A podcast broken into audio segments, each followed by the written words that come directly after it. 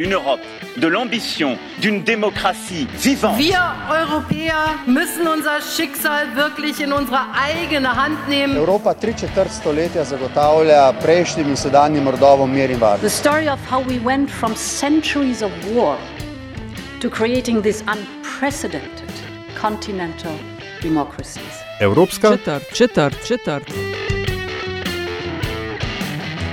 The new European Bauhaus is a project of hope.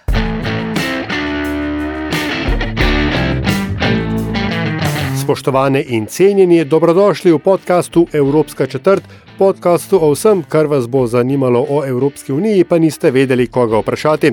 Evropsko četrt vodiva Aljaš Pengovitenc in Nataša Briški. Podcast domuje na spletni postaji metina.si, v vašem nabiralniku pa sveža epizoda takoj, ko je na voljo. Najna tokratna gostja, Aljaš, je Anja Zorko, ki je vodja Centra za kreativnost pri Muzeju za arhitekturo in oblikovanje. Anja, živijo. Živijo, Nataša. Um, da se pogovorimo seveda, o tem, kaj ta center dela, o tem, o razisk raziskavi, o razstavi ustvarjeno v Sloveniji in sploh, kje je kreativna industrija v kontekstu Evropske unije, recimo pa povezave z gospodarstvom. Ampak najprej, Anja, da štartamo. Uh, za tiste, ki tega ne poznajo, kaj sploh je, zakaj imamo center za kreativnost, kdo je to, kaj delate, kaj so vaši cilji. Uh, ja, Center za kreativnost je v bistvu nacionalna platforma za promocijo in razvoj kulturnega in kreativnega sektorja v Sloveniji.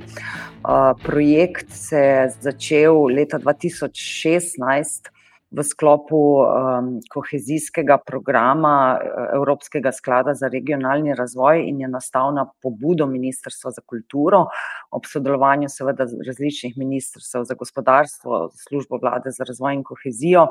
Um, z namenom, da se zapolni vrzel na področju razvoja kulturnega, kreativnega sektorja in tistih aktivnosti, ki nastajajo na prečišču umetnosti, eksperimenta, podjetništva in različnih ustvarjalnih področji um, ter uh, nekako spodbujajo sodelovanje z gospodarstvom in drugimi sektorji. Tako smo mi v muzeju uh, začeli 2017 pripravljati pri, program za izvajanje te interdisciplinarne platforme, ki danes skupaj s subvencijami Ministrstva za kulturo, za podporo kreativnim industrijam in programi, ki jih izvajamo v Muzeju za arhitekturo in oblikovanje, tvorimo eno tako kompleksno okolje za razvoj tega sektorja v Sloveniji. Um, Anja, v, pogosto slišimo, da češ kaj je to zdaj, kreativna industrija, zakaj smo, kaj, kakšnih uh, malo manj kot deset let bo tega dobili na ministrstvu, direktorat za kreativno industrijo oziroma kreativnost. Um, in uh, marsikdo ne, um, bi rekel, da se uh, center za kreativnost sliši pač podobno kot center za, iz, za iskanje rude in izgubo časa. Uh, po, po drugi strani, ne, se pa pogosto sliši, da je vsak evro vložen v kreativno industrijo, da se povrne z nekim resnim multiplikatorjem nazaj v družbo. Kaj od tega drži, oziroma zakaj ta diskonekt, po tvojem mnenju, sploh obstaja v naši javni, v javni debati?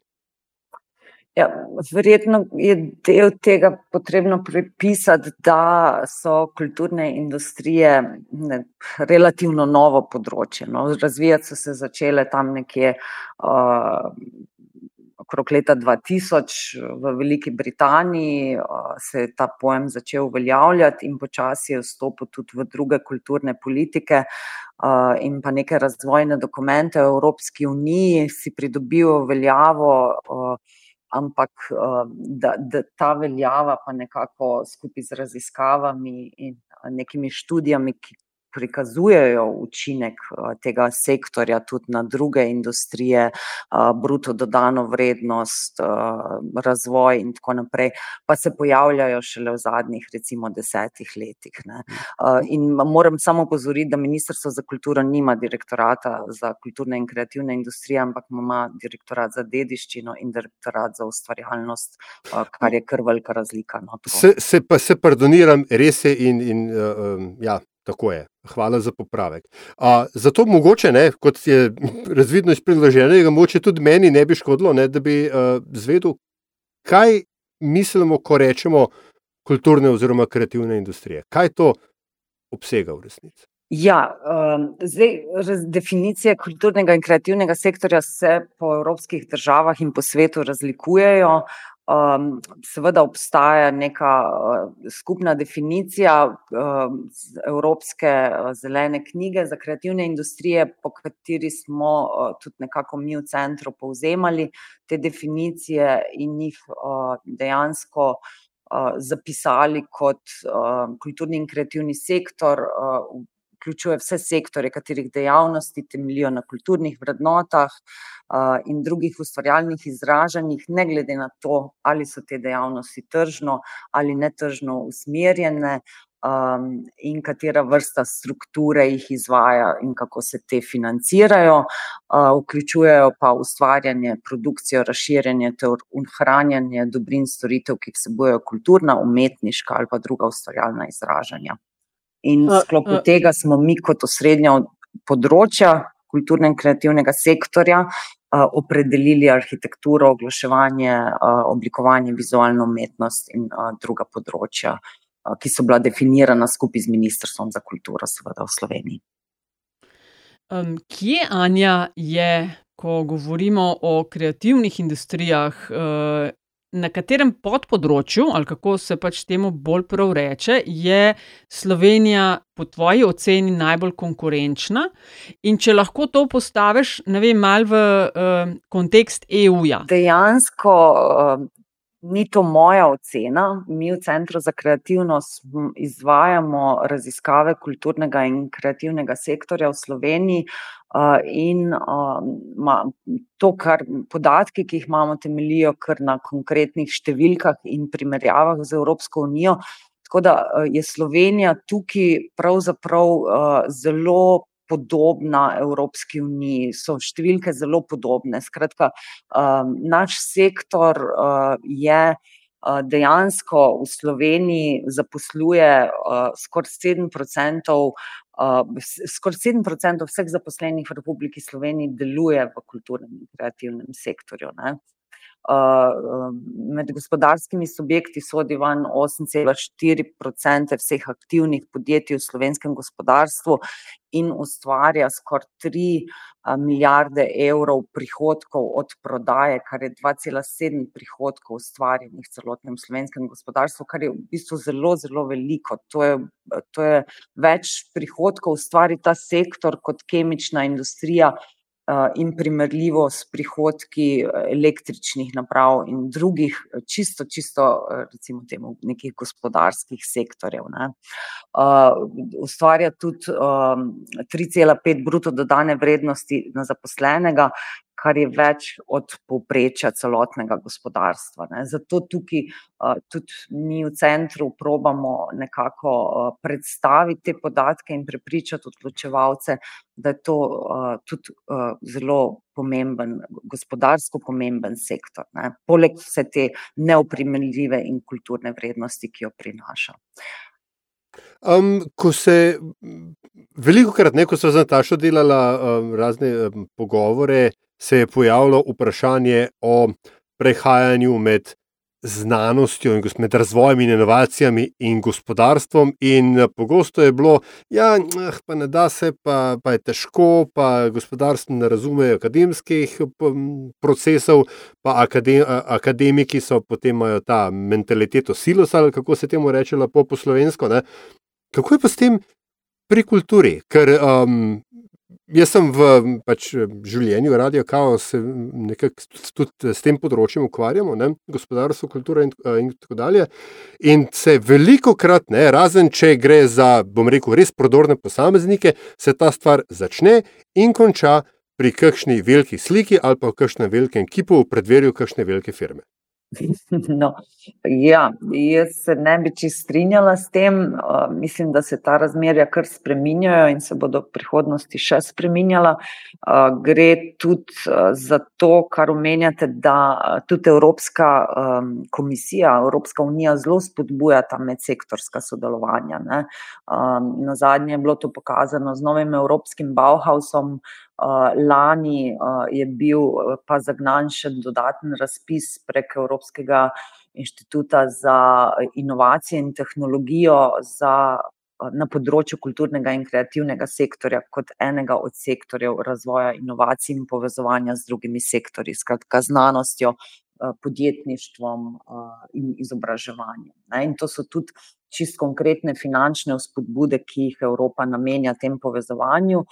Da ne omenjam potem nekih projektov, ki so se na področju tukaj v Sloveniji že odvijali v preteklosti oziroma se še odvijajo, kot so kompetenčni center za design management, potem je tukaj še mreža raziskovalnih umetnosti, KONS in RUP, ki jo izvajajo kolegi iz Kapelice, Delavskega doma Trbovlje in drugih organizacij. Skratka, teh projektov povezovanja je kar nekaj, seveda pa gre ta, prihaja do teh sprememb v nekem načinu sodelovanja in miselnosti, prihaja počasi, ne, to ne moremo pričakovati, da se bo način razmišljanja in dojemanja kulture in ustvarjalnega sektorja kot, kot tudi nekega gradnika ekonomskega razvoja ali pa razvoja inovacij odvijal od danes do jutri, podobno kot se to ne dogaja v znanosti, recimo, ampak so to pač postopni koraki. Tako da imamo nekaj projektov, ki vzpodbujajo poleg Centra za kreativnost zelo sistematično to, to sodelovanje in bi ga bilo treba še vzpodbujati seveda tudi v prihodnosti, ne, da lahko prihaja do teh prelivanj čim bolj sistematično. Anja, poudarjaš to, povezovanje z gospodarstvom, zdaj Center za kreativnost je, bil večkrat nagrajen, lani, če se prav spomnim, ste prejeli nagrado v kategoriji promocija podjetniškega duha, ki jo podeljuje Evropska komisija, in to konkurenca je bila, ne vem, čez štiristo prijaviteljev, vi ste bili med najboljšimi tremi v istoimenski kategoriji. In ljudje, kar delate, lahko zdaj ta moment tudi med drugim vidijo z razstavo Ustvarjeno v Sloveniji. Otvoritev je bila konec maja v palači Cukrarna. a lahko malo več poveš za tiste, ki želijo razstavo si pogledati, kaj lahko vidijo? ja, v bistvu, prav z namenom predstavitve dela Centra za kreativnost in tega, kaj so kulturne in kreativne industrije oziroma kaj je kulturni in kreativni sektor, smo mi, po petih letih, skoraj petih letih našega delovanja pripravili eno pregledno razstavo, s katero poskušamo, širši javnosti na prijazen način predstaviti vpogled v nekatere programe, s katerimi vzpodbujamo, to sodelovanje z gospodarstvom, drugimi sektorji in razvoj podjetništva v kulturnem in kreativnem sektorju. Zato smo, v sodelovanju z Lutkovnim gledališčem in ob podpori Mestne občine Ljubljana uredili prostore zapuščene palače Cukrarna na Ambroževem trgu tri in, na vpogled predstavili te naše neke ključne projekte na programskih stebrih izobraževanja, internacionalizacije, raziskav, promocije, mreženja, in pa seveda razpisov Ministrstva za kulturo. In tako je danes v Cukrarni na ogled več kot dvesto, projektov slovenskih ustvarjalcev, in kreativnih podjetij, ki, nekako predstavljajo tudi, manjši vpogled seveda v to, kar je center delal, in to, kar se dogaja na področju kulturnega in kreativnega sektorja v Sloveniji. omenila si, Janja, podjetniško izobraževanje oziroma podjetniške delavnice za ustvarjalce, ne. Kar verjetno, marsikdo lahko samokritično prizna, da rabijo ali pa rabimo celo, ne. Ampak kaj pa, kaj pa v drugo smer? Kaj pa, kako pa gospodarstvo vi izobražujete oziroma ali obstaja interes, kaj lahko vi podjetjem, podjetnikom, večjim firmam ponudite kot, kaj je to, ne vem, vstopna točka, točka stika z dejavnostjo?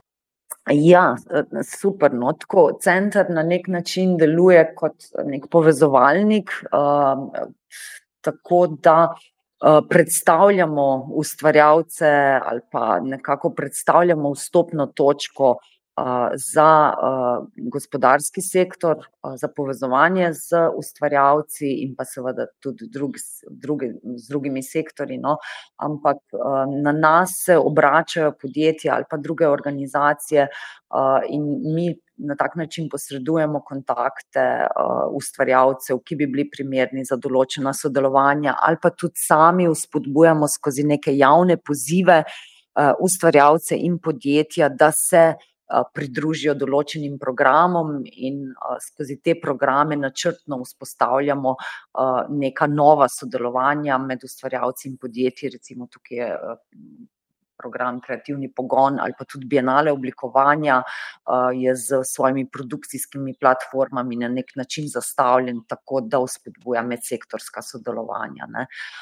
In skozi te programe potem tudi pričakujemo in upamo, in pa seveda druge projekte, saj tukaj niso samo projekti centra, so tudi drugi, da se lahko ta podjetja in ustvarjalci skupaj prijavijo tudi na razpise Ministrstva za kulturo, ki smo jih iniciirali prav mi v Muzeju za arhitekturo in oblikovanje in Centru za kreativnost, na sklop A3, kjer se načrtno vzpodbuja sodelovanje recimo temu tradicionalnega gospodarstva z ustvarjalci, skratka, da se na razpis prijavijo podjetja, ki sklenejo pogodbo o sodelovanju z ustvarjalci iz različnih pač kreativnih področij.